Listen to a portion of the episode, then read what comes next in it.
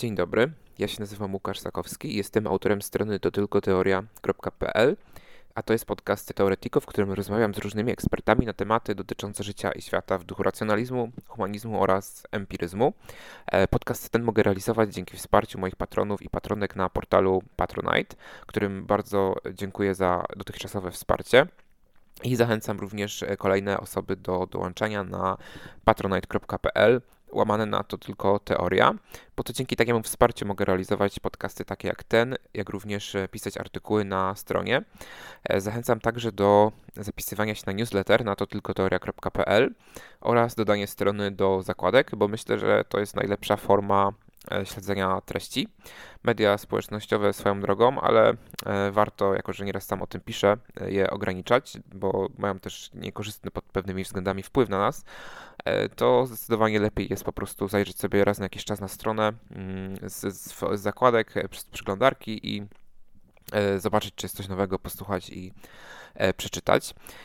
W dzisiejszym podcaście będę rozmawiał o narcyzmie wspólnotowym z doktorem habilitowanym Jarosławem E, Piotrowskim. E, narcyzm wspólnotowy to jest takie zjawisko, e, kiedy to osoby narcystyczne z osobowością narcystyczną mm, realizują swoje narcystyczne popędy poprzez ukazywanie siebie jako najbardziej moralne, najbardziej mm, wspaniałe, najbardziej cnotliwe. I rozmawiamy o tym, na czym właśnie to polega, z czego się to bierze, jaki charakter ma takie zachowanie. A zanim przejdziemy do rozmowy, to zapraszam do wysłuchania utworu, do którego na samym początku tego wywiadu nawiążemy.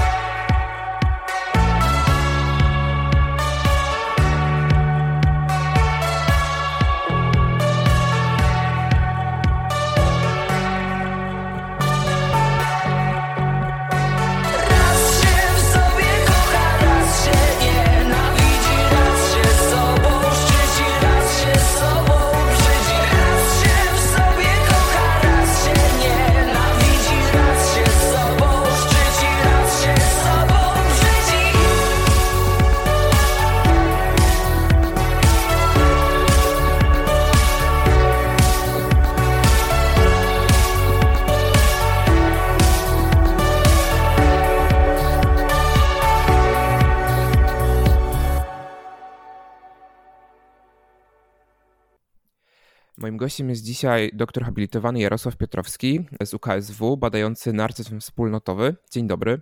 Dzień dobry.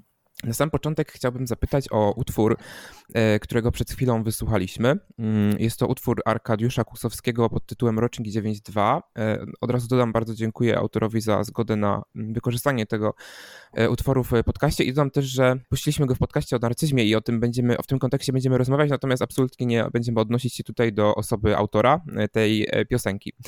A zatem raz się w sobie kocha, raz nienawidzi, raz się sobą szczyci, raz się sobą brzydzi. Czy te słowa Pana zdaniem pasują do narcyzmu?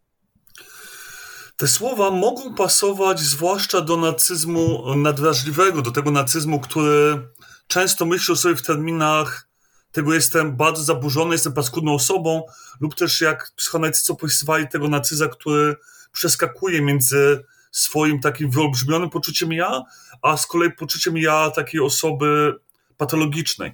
Natomiast mi się wydaje, że to nie musi pasować do wszystkich rodzajów narcyzów, ponieważ a, to jest właśnie coś, co nie jest. A, to nie jest coś, co musi charakteryzować narcyzów i tylko ich.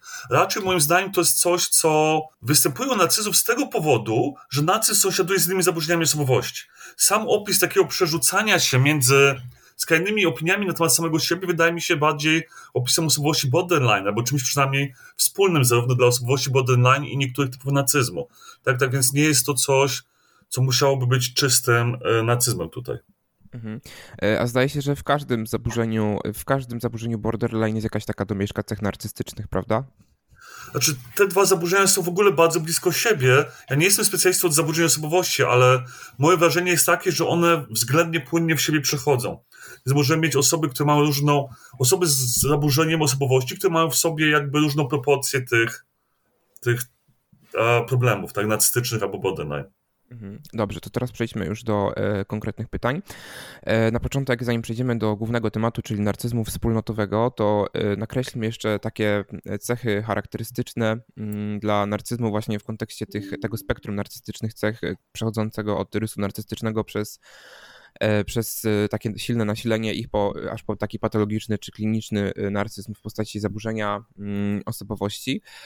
Najpierw, czy mógłby Pan powiedzieć, to będzie już trochę powtórka z tego, co mówiliśmy w podcaście o narcyzmie, który ja też podlinkuję wcześniej, ale mm, osoby, pewnie będą osoby, które nie wysłuchały go, wobec czego, czy mógłby Pan najpierw powiedzieć tak pokrótce, na czym w ogóle polega poziom organizacji osobowości i gdzie się ten narcyzm sytuuje na tych poziomach organizacji? Tak, no zgodnie z takim myśleniem wywodzącym się z koncepcji psychoanalitycznej od Kenberga, możemy mówić o co najmniej trzech albo raczej o czterech poziomach organizacji osobowości. Najniższy psychotyczny to ten, gdzie osobowości tak naprawdę w ogóle nie ma, to znaczy jej fragmenty są oderwane od siebie i jesteśmy w takim poszatkowaniu psychicznym, można powiedzieć. Wyższy poziom, najwyższym poziomem organizacji jest poziom neurotyczny w tej koncepcji. Później inni autorzy dawali jeszcze poziom zdrowy, ale w oryginalnej koncepcji najwyższym poziomem funkcjonowania był poziom neurotyczny, gdzie potrafimy na co dzień funkcjonować, mamy spójną osobowość, stosujemy głównie mechanizm wyparcia, to znaczy nie przyznajemy się sami przed sobą do pewnych swoich, swoich rzeczy, które są dla nas problematyczne, na przykład nie myślimy o tym, że mielibyśmy ochotę zrobić coś, co jest sprzeczne z naszym sumieniem. Pomiędzy tymi dwoma poziomami znajduje się poziom organizacji osobowości borderline.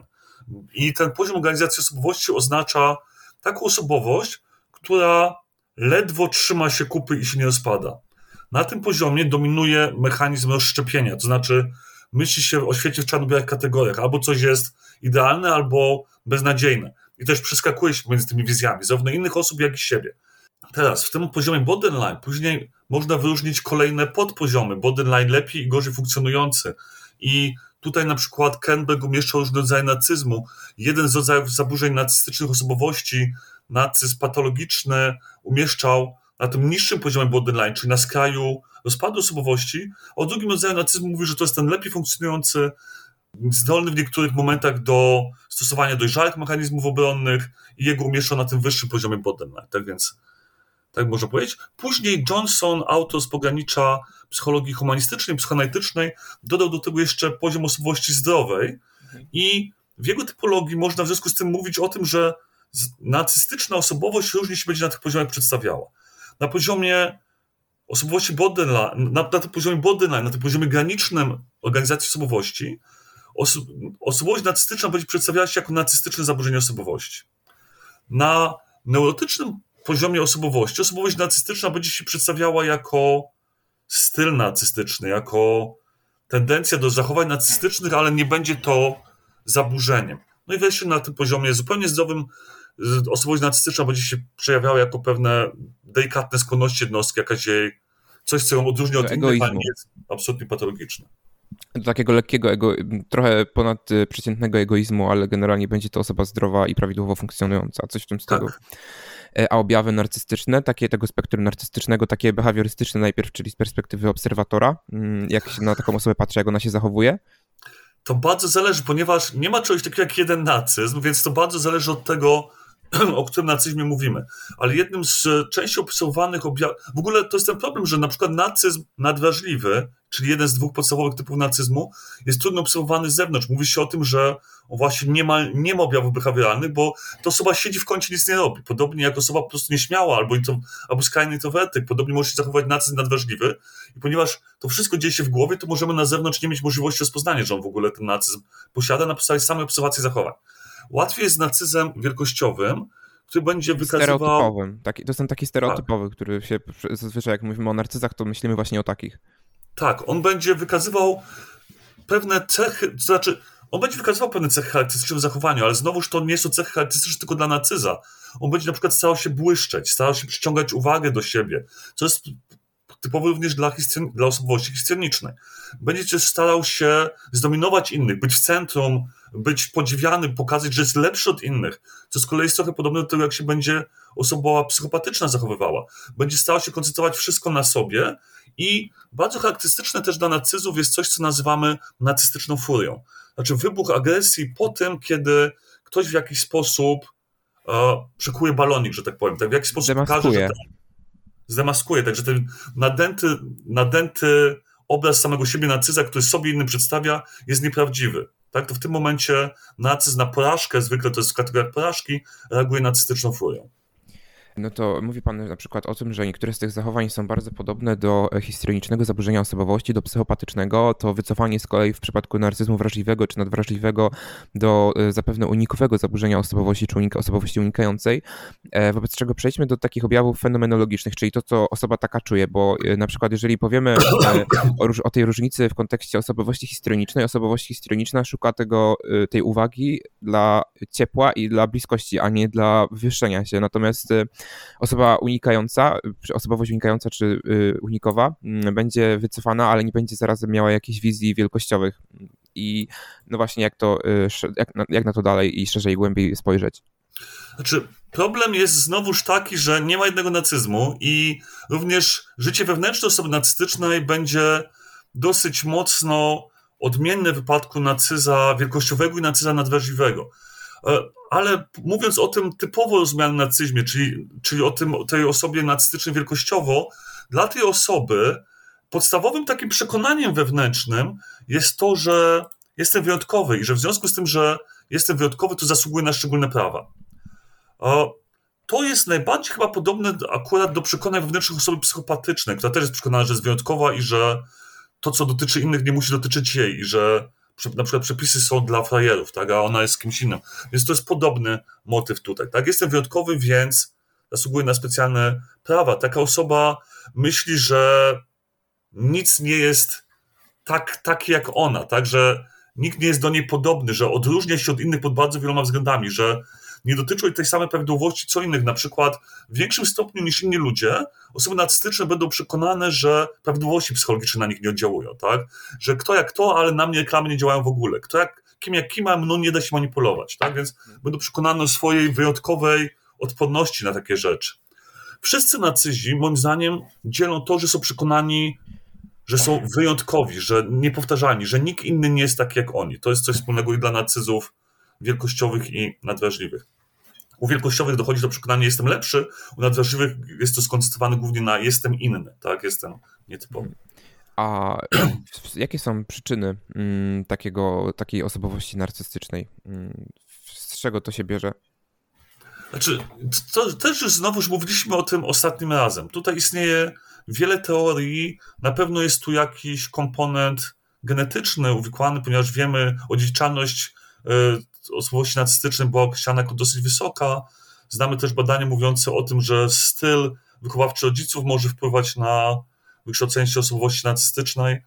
E, zwłaszcza w wypadku narcyzmu nadwrażliwego on wykazuje silne związki z neurotyczną, z neurotyzmem, tak, z jedną z osobowości, jaką jest neurotyzm, więc ma silnie osobowościowe podłoże prawdopodobnie. E, nieco inaczej jest to przy narcyzmie wielkościowym, który być może jest, trochę bardziej bierze się z doświadczeń dziecięcych, tak, ale tutaj nie ma pewności. Mhm. A ostatnio jak rozmawialiśmy, pan mówił o takich metaforach e, bodajże roślinki, która jest wyschnięta i roślinki, która ma zbyt grubą skórę. Może pan to przytoczyć teraz też? Bo to było, bardzo ciekawe, obrazowe i myślę, że e, przeciętnie człowiekowi będzie lepiej zrozumieć, e, jakie są takie dominujące hipotezy, jeżeli chodzi o przyczyny, przynajmniej te środowiskowe. Tak, jeżeli chodzi o psychoanalityczny punkt widzenia, bo tutaj mówimy o tym, co psychoanaliza twierdzi na temat nacyzmu, to niech wszystkim to pasuje, bo psychoanaliza jest ostatnio, nie ostatnio, przez ostatnie 60 lat obiektem silnej krytyki, to w psychoanalizie e, Kenberg i Kochut zaproponowali właśnie takie dwa modele. Zgodnie z jednym z nich, metaforycznie mówiąc, nacyzm to jest ktoś taki, kto w dzieciństwie został za mało miłości. Tak jak roślina, która dostała za mało wody i teraz trzeba ją podleć, żeby rozkwitła. Tak? Czyli trzeba takiego nacyza zrozumieć, pokochać, ale takim, jakim jest naprawdę, a nie to jego nacystyczną wydmuszkę i wtedy on będzie potrafił się rozwinąć. Zgodnie z drugą E, metaforą, metaforą Krenberga, narcyz jest znaczy jako krzak, który ma mnóstwo kolców, zdegenerowanych gałęzi, jakichś takich patologicznych rozrostów. Jego nie trzeba przytulić, trzeba wziąć nożyce i wyciąć. Tak? Więc trzeba raczej ukrócić pewne negatywne elementy i potem taką przyciętą, ukształtowaną roślinkę można próbować na nowo rozwinąć. To jest jakby druga metafora. A jakieś wyjaśnienia nie psychoanalityczne? Takie, nie wiem, behawiorystyczno, behawioralne, czy jeszcze jakieś inne?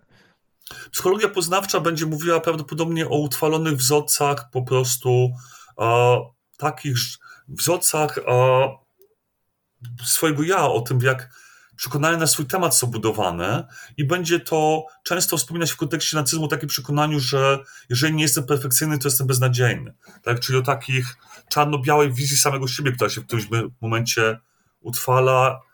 Ale przyznam się, że nie jest to temat, który jest mi szczególnie bliski, więc na temat rozwoju nacyzmu więcej dużo powiedzieć e, nie będę potrafił. Lepiej byłoby porozmawiać z kimś, kto się zna na tym lepiej. E, powiedział Pan, że e, narcystyczne osoby bardzo często czują się wyjątkowe, że różne prawidłowości na nich nie działają. E, I teraz chciałbym już powoli właśnie do tego narcyzmu wspólnotowego mhm. przechodzić. Narcyzi często właśnie wywyższają, tak przynajmniej wyczytuję z różnych tekstów, że narcyzi często wywyższają swój, swoje zasługi, swój wkład w jakieś, w to, co się udało zrobić E, i mają, do, mają problem, żeby dostrzec to, że mm, nie wszystko od nich zależy, że jest też wiele rzeczy, które e, były po prostu przypadkowe, albo nie mieli oni na to wpływu, albo to była zasługa e, innych osób, na przykład no, w kontekście społecznym, że otrzymali darmową edukację czy darmową opiekę zdrowotną i dzięki temu udało mi się osiągnąć to, czego inaczej by nie osiągnęli, choćby nie wiadomo jak bardzo utalentowani byli. I wobec tego pytanie mam takie, czy takie postawy typu e, jestem kowalem własnego losu albo królową swojego sukcesu mogą mieć jakiś związek e, z narcyzmem? Jak najbardziej. Będą to postawy typowe dla narcyzmu sprawczego, ponieważ będą to osoby, które mówią, tak, to ja mam wszystko w swoich rękach, tak, to ja jestem tak genialny, że dzięki temu to wszystko osiągnąłem, tak, to ja jestem taki wspaniały, że dzięki temu te wszystkie sukcesy odnoszę. Ogólnie może ja się jeszcze o krok cofnę, bo Wszyscy mhm. nacyzi wielkościowi e, realizują trzy podstawowe motywy. Po pierwsze, chcą być podziwiani i podziwiać sami siebie, czyli to jest motyw wysokiej samooceny i pozytywnego wizerunku. Po drugie, chcą mieć władzę, a po trzecie, są, e, po angielsku się tak ładnie mówi, entitled. Mają poczucie rozczęwości, mają poczucie mi się należy. I to są trzy takie główne, zdaniem Gebauera, motywacje wszystkich nacyzów. I nacyzm sprawczy, nacyzm sprawczy, ten klasyczny, będzie to realizował w domenie sprawczy, będzie mówił, jestem tak inteligentny, jestem genialny, więc mi się należy. Jestem, mam władzę nad wszystkimi innymi, bo jestem lepszy od nich, sprawniejszy, inteligentniejszy, silniejszy, bardziej pracowity i tak dalej, i tak dalej. Ale przechodząc już troszkę też w kierunku nacyzmu wspólnotowego, model, wiele modeli w psychologii mówi o tym, że istnieją dwa główne wymiary, na których ludzie mogą się opisywać i które opisują działanie człowieka. Wymiar sprawczości, wymiar wspólnotowości. Wymiar sprawczości mówi o tym, jak skuteczny jestem w realizacji swoich celów.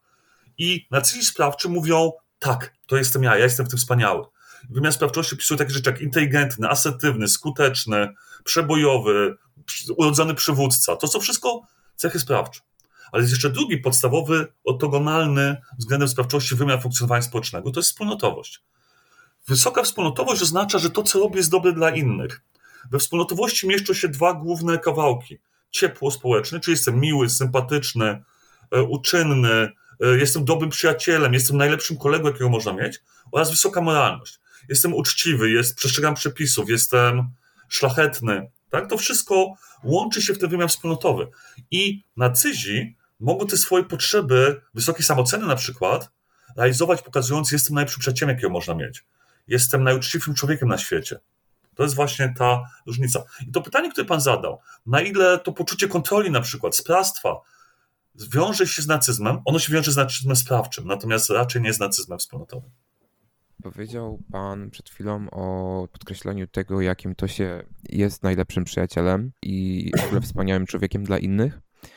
I teraz chcę przejść do takiego pojęcia jak sygnalizowanie cnoty.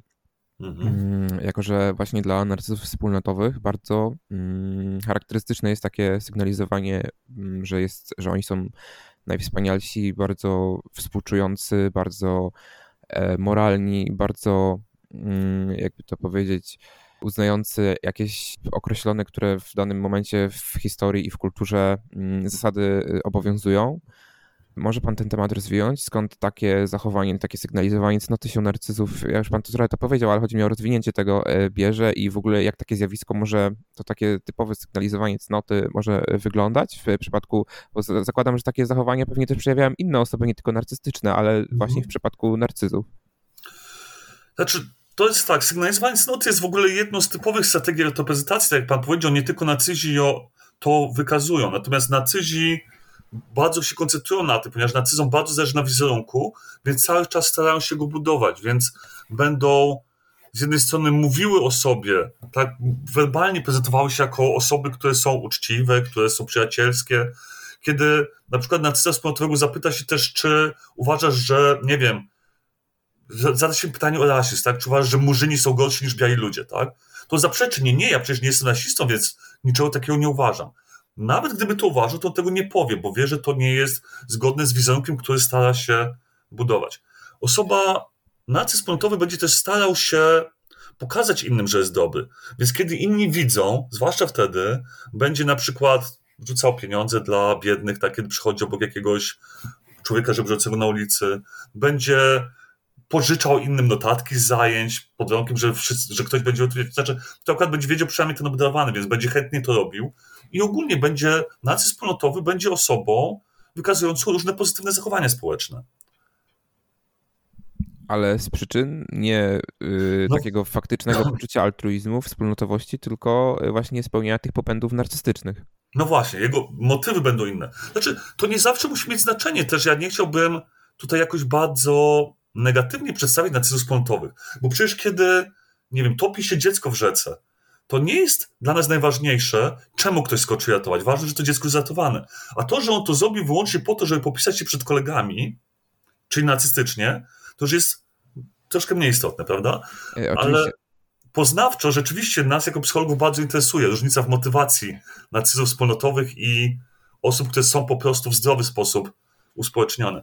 I na przykład moja żona w swoich badaniach wykazała, że nacyzi wspólnotowi chętniej pomogą w sytuacji, kiedy inni to widzą, albo kiedy wiadomo, że potem będzie o tym napisany artykuł w lokalnej gazecie, ale kiedy nie ma świadków, to wcale nie chcą pomagać. Tak? Więc jakby pokazuje, że robią to ze względów społecznych. Moim zdaniem nie musi tak być, ponieważ nacy wspólnotowy też w swojej głowie buduje swoją wizję siebie jako super pomocnego. Więc może chcieć pomóc innym, również po to, żeby samemu sobie lepiej myśleć. I tutaj cenne jest nawiązanie do prac polskiego psychologa, który, polskiego psychologa Rejkowskiego. Rejkowski w latach 70. już stworzył teorię endocentrycznej i egzocentrycznej motywacji do pomagania. Znaczy on mówi o tym, że możemy pomagać albo dlatego, że chcemy, żeby lepiej było tej osobie, której pomagamy, albo możemy pomagać dlatego, że chcemy poczuć się lepiej. I teraz to można, i możemy to rozpoznać. Możemy zaplanować badanie, w którym na przykład ktoś cierpi. Widzimy na ulicy osobę, której trzeba pomóc. Teraz ktoś chce jej pomóc. Czemu? jeżeli pozwolimy tej osobie pomóc, to nie będziemy wiedzieli do końca czemu. Ale sprawdźmy, co się zadzieje, jeżeli ktoś inny pomoże. Jeżeli widzę, że ktoś leży na ulicy i ktoś inny, chciałem podbiec pomóc, ale ktoś zdążył przede mną, ktoś inny jej pomógł, to jeżeli mi zależało naprawdę na tej osobie, to się cieszę. Super, już udało się pomóc tej osobie w problemie, jest bardzo dobrze. Natomiast jeżeli mi chodziło o to, że to ja mam pomóc, to ja się wścieknę. Choroba, nie udało mi się, taka okazja do pomagania innym się zmarnowała, tak? A jeżeli, przepraszam, że się wtrącę, a jeżeli pomyślę, że mm, dobrze, że ktoś inny pomógł, bo ja nie muszę się ruszać. To jest to szkolnictwo, ale to nie jest nacyzm, bo to nacyzm szuka tej okazji do pokazania się, tak? E, ogólnie nacyzm, nacyzowi nie chodzi o to, żeby pomagać innym, nacyzowi chodzi o to, żeby być pomagającym, tak? To jest ta jakby różnica.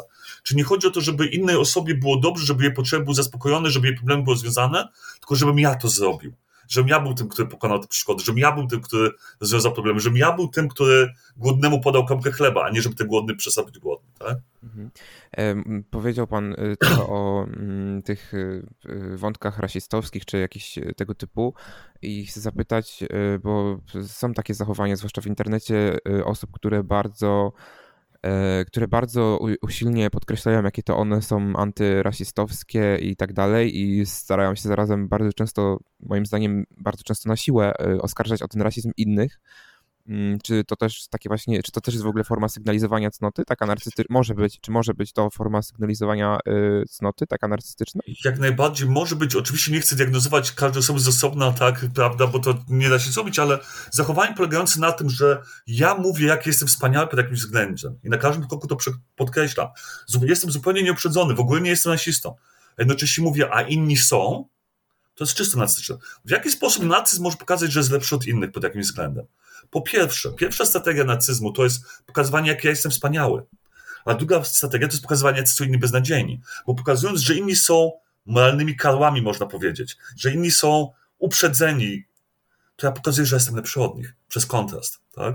Więc jak najbardziej nacyzm wspólnotowy będzie starał się wykazać, że inni mają wady w tym zakresie, żeby przez ten fakt podkreślić, że jest lepszy od nich to y, dopytam, a jak y, w takiej sytuacji zareagować, jeżeli jest się właśnie obiektem takiego narcystycznego ataku? Ma pan jakiś przepis na to? Znaczy, nie wchodzić w dyskusję, ponieważ to jest tak ważne dla tej osoby, że nie da się jej przekonać zapewne. Jeżeli uda się podważyć w jakikolwiek sposób jej przekonanie o jej wyższości, to zareaguje narcystyczną furią. Wybuchnie, powie, nie wiem, wykluczy, y, wyrzuci ze znajomych, tak, albo powie, że ty to już teraz w ogóle jesteś skrajnym antysemitą i to jest w ogóle, przepraszam, skrajnym rasistą i to jest w ogóle dowód tego, że w ogóle nie rozumiesz tego i tak dalej, i tak dalej. Więc zareaguje w sposób emocjonalny, nieracjonalny i być może agresją pod naszym adresem, bo to będzie właśnie nacystyczna furia. Więc miejsca na logiczną dyskusję zbyt wiele tutaj chyba nie ma. E, a religia, jak się ma narcyzm wspólnotowy do religii? Bo wyobrażam sobie, że tego typu zachowania, które teraz e, przejawiają się w sposób świecki, e, w przyszłości zwłaszcza, przejawiały się zapewne w sposób bardziej religijny i w odniesieniu do etyki takiej no, w, naszym, w naszej kulturze chrześcijańskiej. Mm, wobec czego, czy może być tak, że część takich osób, które są cnotliwe, a przynajmniej takie się wydają, może nawet jakichś świętych czasami, e, tak naprawdę jest motywowa była motywowana właśnie e, tym takim narcyzmem wspólnotowym?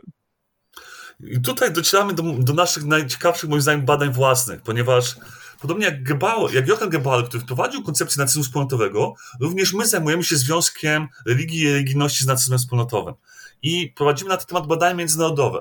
Tak jak pan mówił, kiedyś mieliśmy wyższy poziom religijności, tak to było ważniejsze. Również obecnie mamy kraje, gdzie religijność jest w różnym stopniu istotna.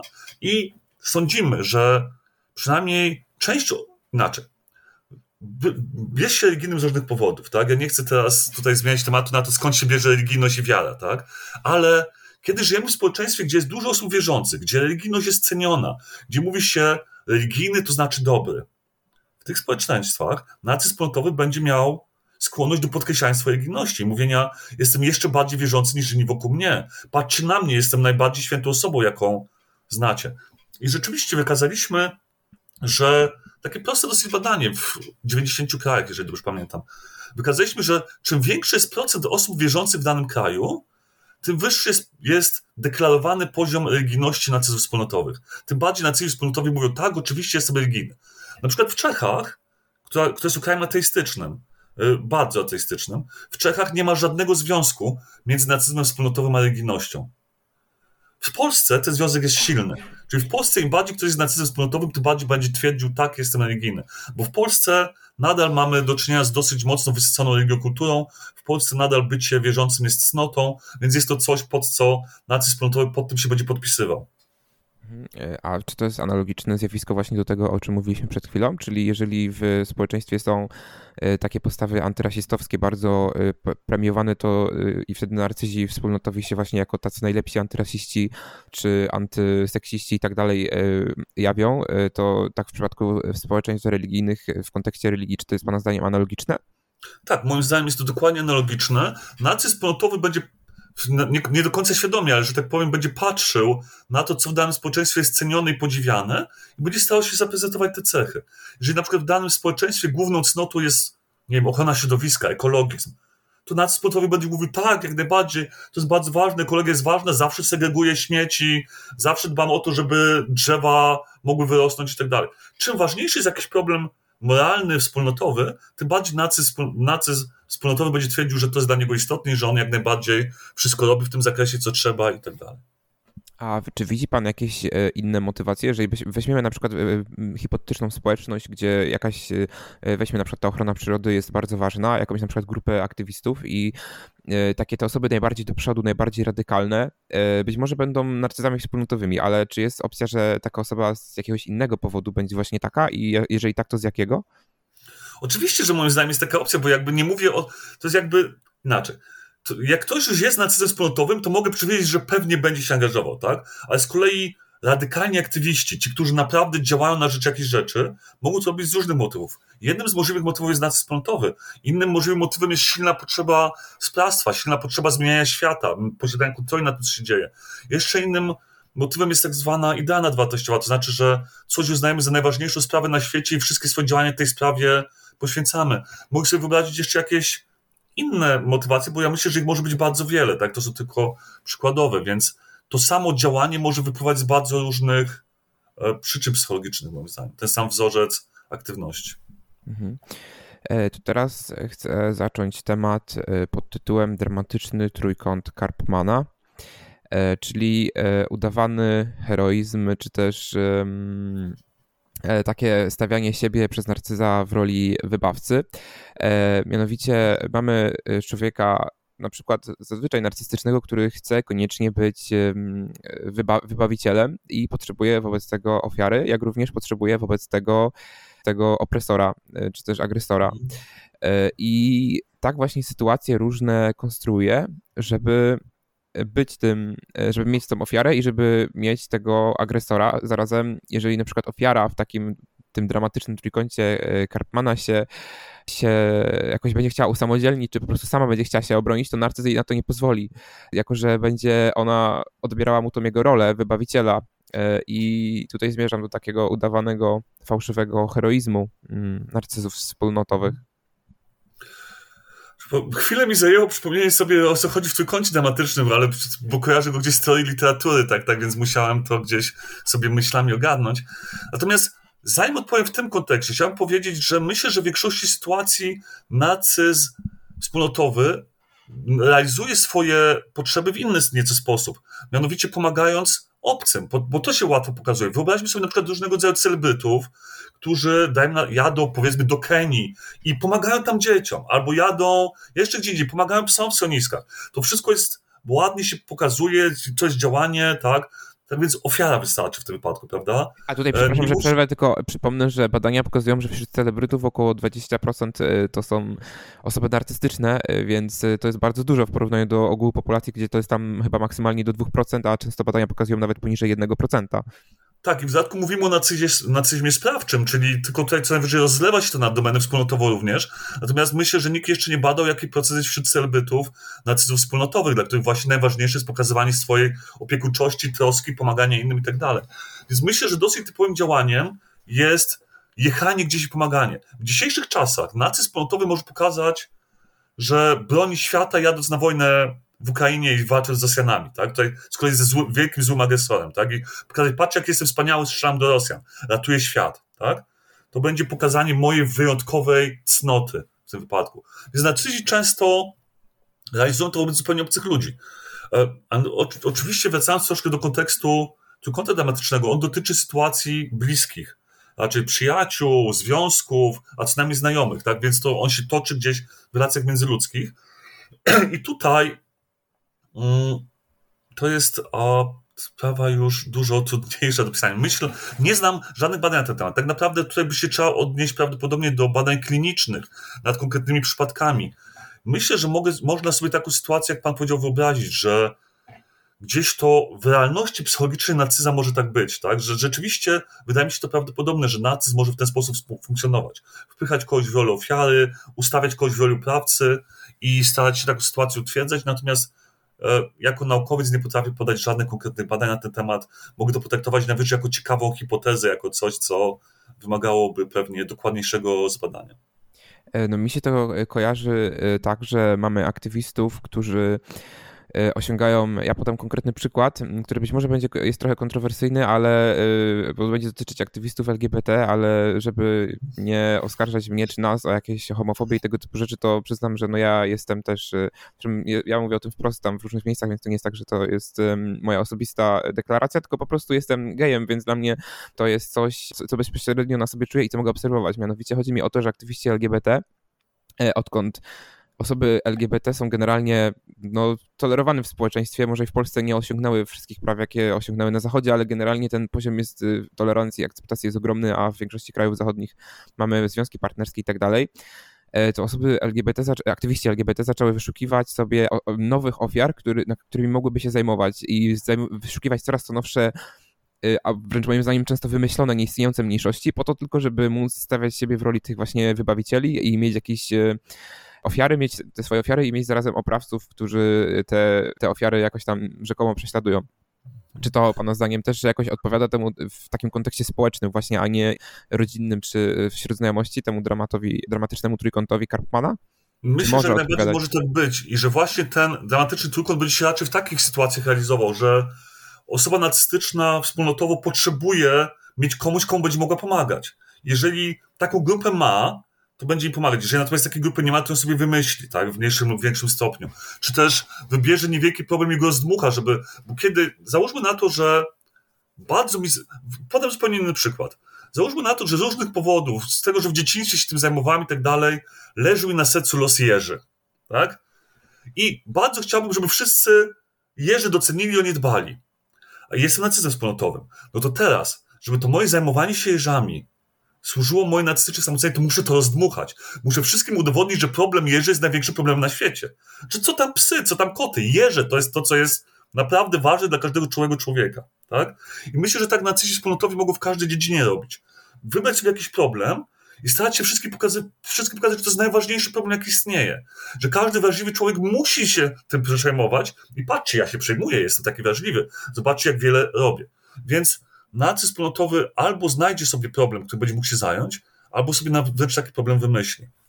I to będzie jakaś ofiara, jakaś grupa mniejszościowa, tak prześladowana zdaniem narcyza wspólnotowego, który będzie pomagał. Również narcyz wspólnotowy może sobie znaleźć e, agresora, tak, tego złego, z którym będzie walczył. I albo go znajdzie, albo jeżeli ciężko mu go znaleźć, to go sobie wymyśli.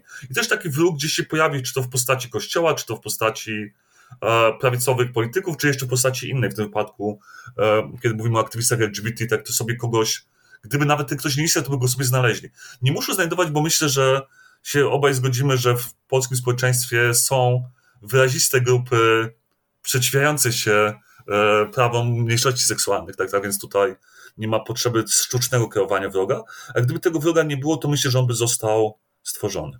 Tak, no odnosiłem się w tym przykładzie przede wszystkim do, mm, do, do krajów zachodnich, gdzie widać e, takie tendencje, o których, e, o których powiedziałem, ale chciałbym jeszcze porozmawiać o tych ofiarach, e, bo Jerzy, co prawda jakby ciężko powiedzieć, czy on jest ofiarą, czy nie, bo on, no, to jest zwierzę, ono nie jest świadome sytuacji, ale jeżeli mamy osobę, która, czy osoby, które są tymi ofiarami, ale chcą się zająć same sobą i chcą się, że tak powiem, mhm. wyzwolić z tego trójkąta dramatycznego, w które czy to naturalnie e, wpadły przez sytuację, czy to przez e, narcyza zostały tam wprowadzone, to jak narcyz na taką e, osobę będzie reagował, która właśnie chce się sama wyzwolić, albo po prostu ona już nie jest, przestała już być ofiarą, a narcyz cały czas jako taką chce ją widzieć? Ostatnio, nie pamiętam, widziałem w jakimś serialu taką scenę, w której osoba nieheteronormatywna nie została wyśmiana przez swoich kolegów z pracy. I potem widzimy, jak ta osoba rozmawia z aktywistą LGBT walczącego prawa osób nieheteronormatywnych i mówi, a mi jest z tym okej, okay. ja przyszedłem na tym do porządku dziennego, jestem w stanie z tym żyć. Ale nie, ty musisz o to walczyć. Ja zrobię protest w tej sprawie, ja ci pomogę, ja zawalczę twoje prawa. A nie, ja dziękuję, ja nie chcę. I pojawia się wtedy coraz większa agresja od tego potencjalnego pomagacza.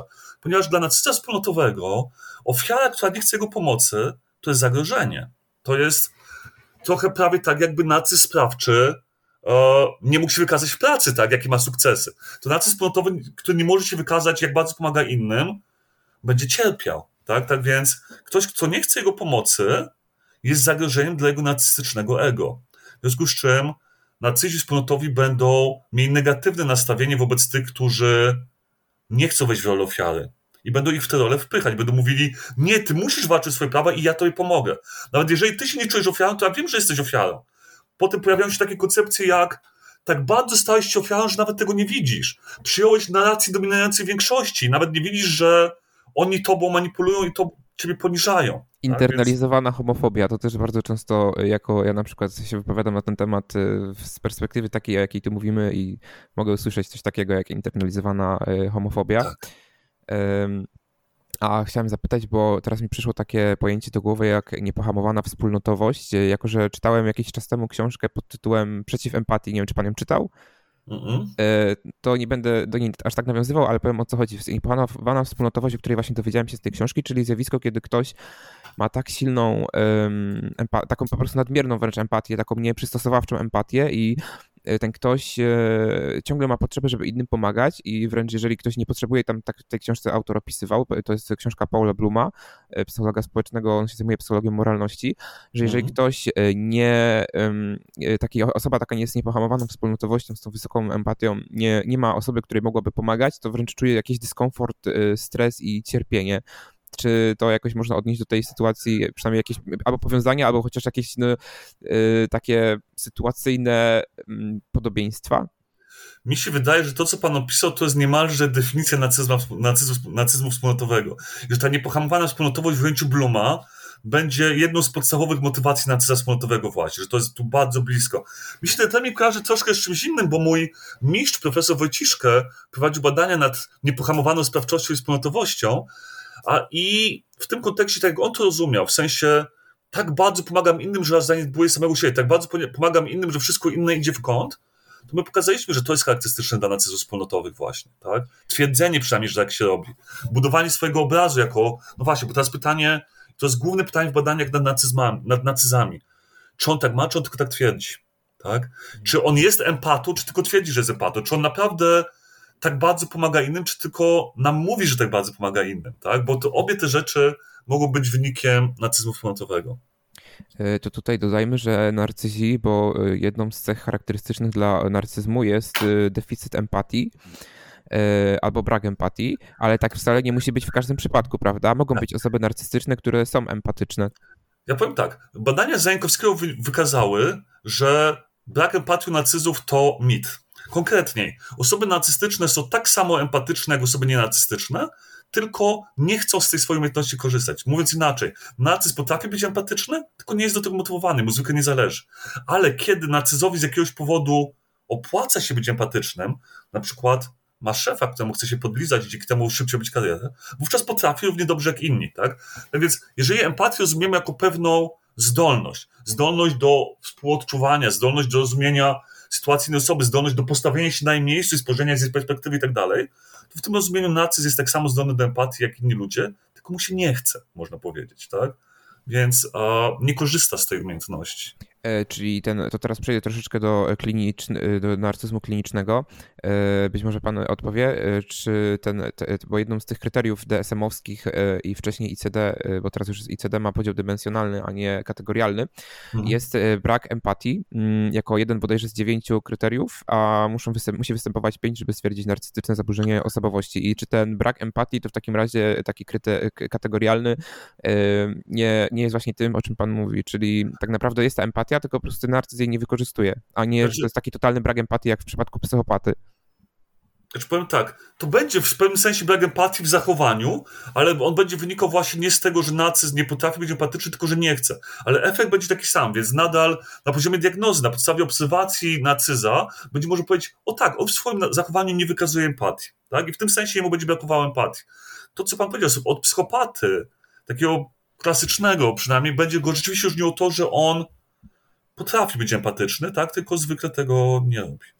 Y, y, to tak, tak, jako ciekawostkę dodam, dwa dni temu obejrzałem film, w piątek wieczorem obejrzałem film pod tytułem um, Musimy porozmawiać o Kevinie, e, przedstawiający właśnie roz, rozwijającego się od małego e, osobę z dysocjalnym zaburzeniem osobowości, to już była taka osobowość psychopatyczna, kliniczna bardzo.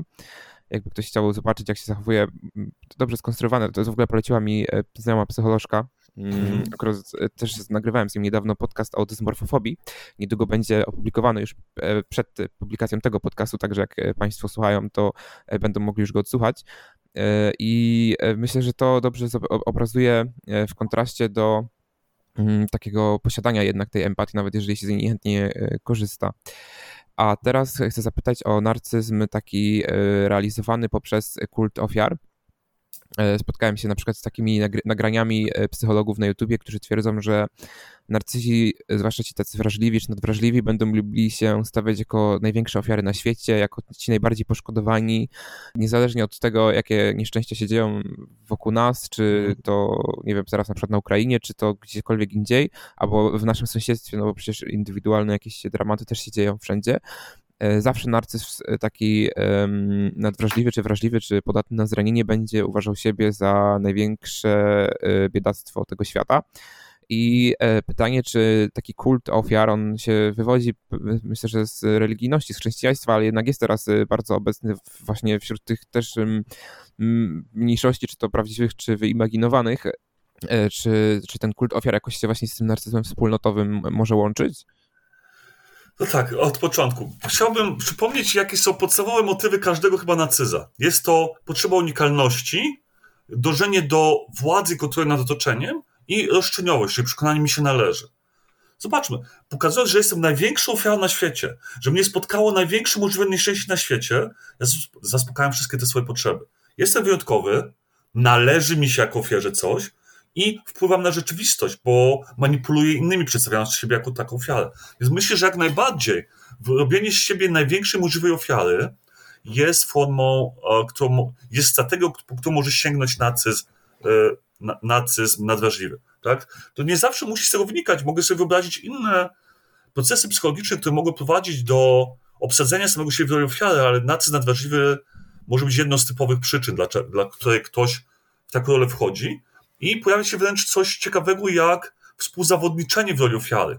Ponieważ te osoby bardzo nie lubią, kiedy ktoś inny też jest ofiarą, jakby zabiera światło z nich, tak, zabiera koncentrację z nich na siebie. I takie osoby wtedy, jeżeli to są nacyści, będą reagować narcystyczną furią. Takie osoby będą nienawidziły kogoś, kto jest ofiarą większą lub w podobnym stopniu, co one. One chcą być największą ofiarą w swoim otoczeniu. Mhm, na poziomie... Mhm. Tak, nie, proszę, proszę mówić, proszę mówić. Na poziomie grupy to było badane. Istnieje coś takiego, co się nazywa collective victimhood, czyli kolekty bycie kolektywną ofiarą. Są to przekonania typu żaden naród tyle nie wycierpiał w historii, co Polacy. Tak? To jest przekonanie o kolektywnej ofierze narodu polskiego. I teraz narody współzawodniczą w tym. Na przykład, im bardziej ktoś w Polsce się zgadza z przekonaniem, nikt tak jak Polacy nie wycierpiał w swojej historii, tym bardziej mówi, e, Holokaust to w sumie nie było nic takiego. Czemu? Bo Holokaust powoduje, że jest inna grupa, która mogłaby powiedzieć, my cierpieliśmy bardziej. Skoro ja mówię, nie, my Polacy jesteśmy największymi ofiarami, nikt nigdy nie cierpiał tak jak my, to wasze cierpienia są niczym w porównaniu z moim cierpieniem, z naszym cierpieniem. Tak?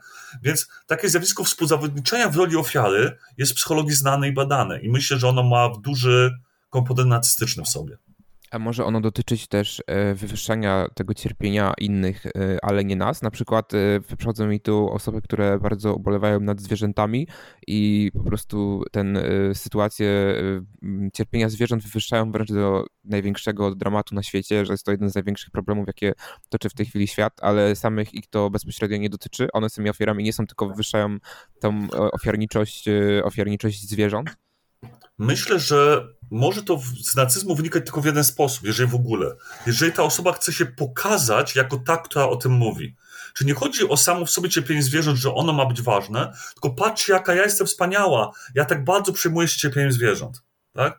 Więc to będzie pokazywanie swojej cnoty w tym momencie, swojej wyjątkowej wrażliwości. Mówienie, nikt nie jest tak wrażliwy jak ja. Nikt tak dobrze nie rozumie cierpiących zwierząt niż ja. Jestem taki wyjątkowy, jestem taki empatyczny, jestem taki wspaniały. Tak? I to będzie narcystyczne. Więc w tym wypadku nie chodziłoby o cierpienie zwierząt jako takie, tylko powiedzenie, jestem taki wyjątkowy, tylko ja to widzę, nikt oprócz mnie nie widzi, że to jest takie ważne. A to mi też się kojarzy, zwłaszcza to, jak pan wcześniej mówił o tych narodach, które się ścigają na to, który jest bardziej pokrzywdzony. Trochę mi się to kojarzy też z takim pojęciem jak narcyzm małych różnic, czyli y, takim czymś, że w, w określone grupy mm, uważają, mimo że są generalnie do siebie bardzo, bardzo podobne, to praktycznie z zewnątrz dla kogoś to wygląda jakby to była ta sama grupa, to te dwie społeczności się między sobą jakby konkurują i e, są wobec siebie wręcz wrogo nastawione o to, że mm, ich zdaniem o czymś tam one się różnią i te, te małe różnice właśnie bardzo, bardzo wywyższają do rangi jakiegoś takiego nie wiadomo czego. Tak, to jest w ogóle ten termin nacyzm ma różnic jest swojego, jest trochę niefortunny, bo ja myślę, że to nie ma zbyt wiele wspólnego z nacyzmem, ma, ma natomiast dużo wspólnego z poczuciem tożsamości. Jeżeli my zbudowaliśmy swoją tożsamość, która ma nas odróżnić od innych podobnych, to musimy podkreślać różnice. Skoro nas od tych innych ludzi dzieli tylko jedna albo dwie rzeczy, to gdybyśmy ich nie podkreślali, to moglibyśmy się zlać, tak i utracić tę tożsamość i stać się jednym z nimi. Więc jeżeli chcemy być inni, to musimy te różnice podkreślać. Z narcystycznego punktu widzenia jest tutaj jedna rzecz, która może mieć miejsce. Skoro, nacyzm, skoro narcyzowi zależy bardzo na tym, żeby być wyjątkowym, to musi podkreślać, że nikt inny nie jest do niego podobny. Tak, tak więc jedną z motywacji nacyzmu, jedną z motywacji nacyzmu jest mówienie, nikt mnie nie przypomina, jestem wyjątkowy, nikt nie jest taki jak ja, nie jesteś taki jak ja, w ogóle nie jesteś do mnie podobny. Również na poziomie grupowym tak może być, więc wyjątkowość jest też centralnym tematem tutaj. Mhm. A jakieś inne zna pan, y, czy może pan opowiedzieć, przytoczyć jakieś inne przykłady takich zachowań y, narcyzów wspólnotowych, jak oni to spełniają te swoje popędy, bo mówiliśmy już o tym kulcie ofiar, mówiliśmy o tym, żeby y, o tym trójkącie dramatycznym Karpana, kiedy to narcyz szuka na siłę sobie ofiar albo i, i oprawców. Mm, jakieś inne sytuacje? Czy ogólnie my badamy, jakby nie podając teraz przykładu, tylko jakby przedstawiając ogólny model, my zakładamy, że narcyz wspólnotowy zwykle funkcjonuje w taki sposób, że siedzi sobie w domu, chodzi na uczelnię i tak dalej, żyje normalnym życiem i wszystkim mówi, jak jest wspaniały. Ponieważ w od sprawczości, gdzie trzeba coś pokazać, trzeba, nie wiem, pobiec szybko na 100 metrów, albo mieć wysoką pensję, albo coś, albo kłamać na ten temat, to moralność i w ogóle wspólnotowość jako taką zwykle buduje się deklaracjami swoją uczciwość ciężko jest pokazać. Raczej się mówi, jestem uczciwy, niż ma się okazję to wykazać. Raczej się, tak więc narcyz wspólnotowy często buduje ten swój wizerunek na co dzień, stara się być miły, stara się to robić, e, stara się to pokazywać i niewiele robi. Natomiast zakładamy, że w momencie, kiedy coś mu tę wizję podważy, na przykład ktoś powie, e, ty, ty mówisz, że jesteś taki pomagający, a nigdy ciebie nie widziałem, żebyś pomagał. Albo ktoś w inny sposób przykuje ten jego balonik, wtedy nacyz wspólnotowy wchodzi w strategię heroizmu, tak jak ją nazwaliśmy, i zaczyna coś robić. I pokazuje innym, nie wierzycie, że jestem taki wspaniały, no to patrzcie. I wtedy szuka okazji. I albo ją znajdzie pomagając e, sierotom w innym kraju, albo ją znajdzie znajdując osobę w swoim otoczeniu, która wymaga tego, żeby ją przed kimś obronić, albo ją znajdzie jeszcze gdzie indziej tę okazję. Więc e, ciężko przewidzieć, co zrobi, ale zakładamy, że wtedy będzie stało się coś zrobić, kiedy samo mówienie nie wystarczy, kiedy inni ludzie w jego otoczeniu zaczną wątpić w to, czy naprawdę jest taki wspaniały. No to żeby to podsumować, e, chciałbym zapytać właśnie jak e, to wszystko, o czym mówiliśmy i może jeszcze jakieś coś nowego dojdzie, jak e, odróżnić taką osobę, która pomaga z przyczyn narcystycznych, kiedy już faktycznie pomaga, e, od osoby, która pomaga z takiej zwykłej ludzkiej psychologii i zachowa psychologii, zachowania i neurobiologii po prostu, bo, bo, tak jest, bo tak nas skonstruowała ewolucja. Ja chciałbym tutaj cztery rzeczy chyba powiedzieć. Po pierwsze, dwie uwagi ogólne. Pierwsza jest taka, że jak już wspomniałem, nie przesadzałbym znaczenie. To, to ma problem bardziej poznawczy niż praktyczny. Bo z praktycznego punktu widzenia funkcjonowania społeczeństwa najbardziej nas chyba interesuje to, żeby ludzie sobie nawzajem pomagali, byli dla siebie dobrzy, współpracowali ze sobą i dbali o siebie. A z czego to jest wtórne. No ale jako poznawczo bardzo interesujące, nadal jednak to zważamy. Po drugie, mówiłem już też o tym, że nacyzm tak zwany normalny, my wszyscy go mamy, tak? Tak więc nie, nie posiadanie chociaż pewnego aspektu tego, że ja robię różne rzeczy na pokaz, żeby pokazać, jak jestem wspaniały, też jest, nie, można w cudzysłowie powiedzieć, nienormalne. Tak? Po prostu normalni ludzie tak działają, że to, co robią, ma w sobie komponent kształtowania swojego wizerunku, że wszystko, co robią, robią między innymi po to, żeby się pokazać. Na przykład to, że ja z panem teraz rozmawiam, pomijając inne motywy, może też mieć taki motyw, że ja chcę pokazać, jakim jestem świetnym naukowcem i niech mnie oglądają. Może mieć też taki motyw wspólnotowy, że ja chcę pokazać moim kolegom, patrzcie, udzielam się, promuję naukę, zobaczcie, jestem takim wspólnotowym naukowcem, tak? Tak więc te motywy gdzieś tam są pewnie obecne. To nie jest tak, że ktoś z nas ich nie ma. Po prostu osoby narcystyczne mają je bardziej nasilone. A jak to rozpoznać, które motywy dominują? Myślę, że metody są dwie. Po pierwsze, możemy odróżnić, czy ktoś coś robi na pokaz, czy dla siebie, patrząc jak zmienia się jego zachowanie w zależności od tego, czy posiada publiczność, czy też nie. Jak zmienia się jego zachowanie, kiedy myśli, że nikt tego nie widzi, versus kiedy są świadkowie. Tak? To będzie pierwsza sprawa. Jeżeli ktoś pomaga tylko dlatego, że chce, żeby inni tak myśleli, to będzie pomagał tylko, kiedy ktoś może to zobaczyć. Druga sprawa jest bardziej skomplikowana, ponieważ nacy wspólnotowy może chcieć też budować we własnych oczach wizerunek osoby pomagającej. I wtedy przechodzimy do tego, co już wspomniałem, o tej motywacji egzoendocentrycznej. Możemy obserwować, co się dzieje, kiedy narcyzowi wspólnotowemu zablokuje się możliwość pomagania. Jeżeli jemu tak naprawdę chodziło tylko o to naprawdę, żeby komuś pomóc, to powie, nie, okej, okay, fajnie, że nie muszę pomagać, fajnie, że ktoś inny pomógł. A jeżeli mu chodziło o to, żeby być pomagaczem, to on się wścieknie. Bo mu nie chodziło o to, żeby komuś było lepiej, tylko żeby to on miał okazję pomagać innym. Tak, tak więc to jest ten punkt, gdzie moim zdaniem to najłatwiej rozpoznać. Że ktoś reaguje negatywnymi emocjami, kiedy nie ma, nie ma okazji pomóc. Że ktoś reaguje negatywnie, kiedy ktoś inny pomógł. Bo to świadczy o pewnym współzawodnictwie, że ten ktoś chce pomagać bardziej niż inni. A to już jest narcystyczne. Ja e, myślę sobie, że e, rozpoznanie tego, tej narcystycznej motywacji ma znaczenie nie tylko z perspektywy poznawczej, bo mm, osoby narcystyczne zazwyczaj wykazują jakieś toksyczne czy no, nieprzyjemne zachowania także w innych aspektach, więc e, warto byłoby odróżnić, czy ta osoba, która uchodzi w jakiejś grupie czy społeczności za tą najwspanialszą, uchodzi tak faktycznie dlatego, że taka jest, czy dlatego, że na taką się stara wykreować. Tego do końca nie wiemy, ponieważ jest bardzo niewiele badań na temat funkcjonowania społecznego narcyzów wspólnotowych. I te badania są wręcz sprzeczne. Na przykład ja będę.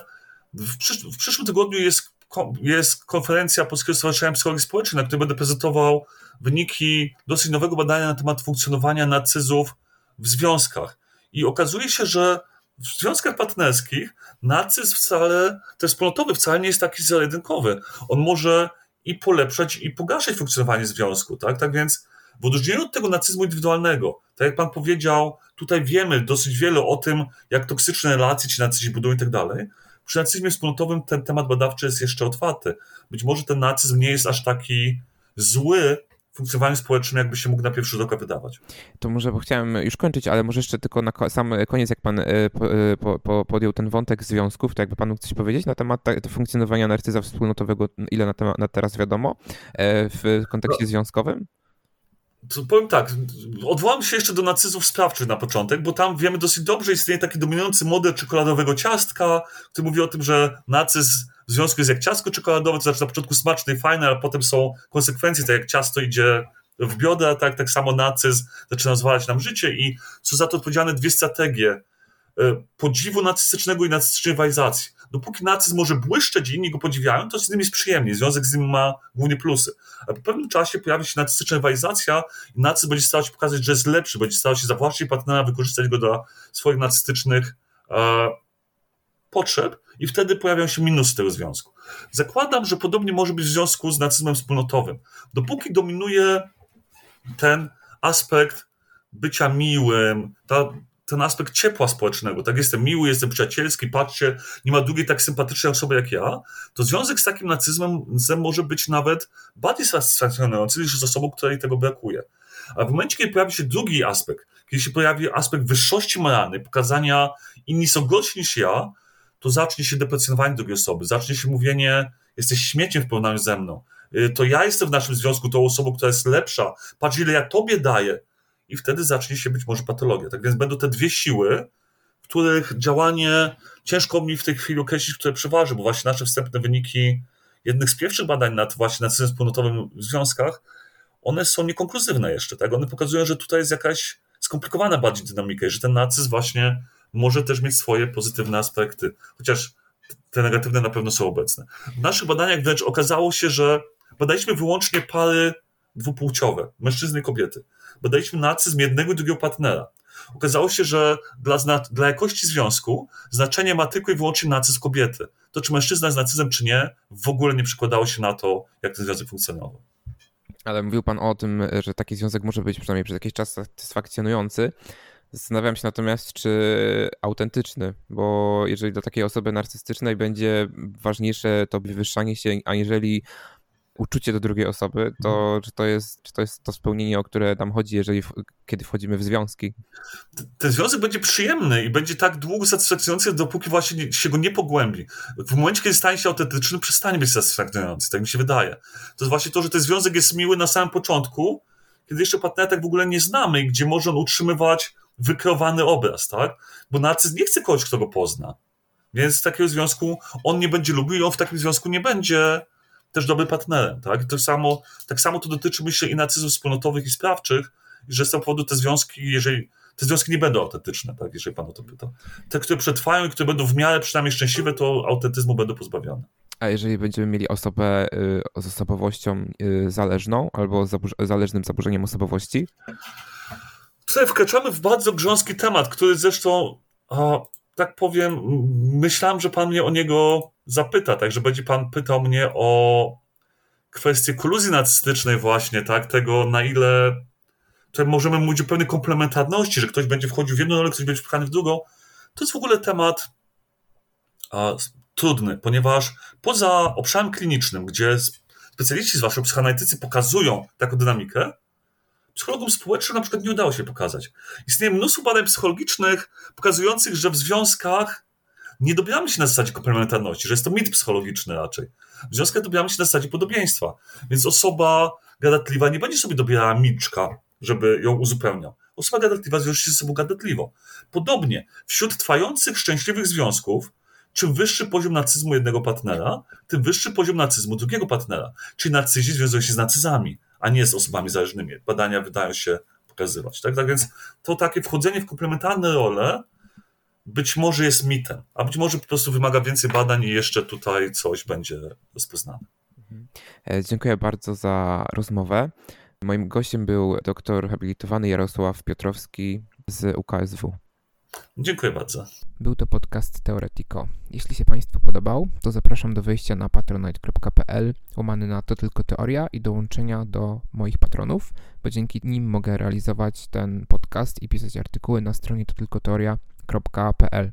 Zachęcam również do dodania strony totylkoteoria.pl do zakładek i zapisania się na newsletter na totylkoteoria.pl. Do usłyszenia.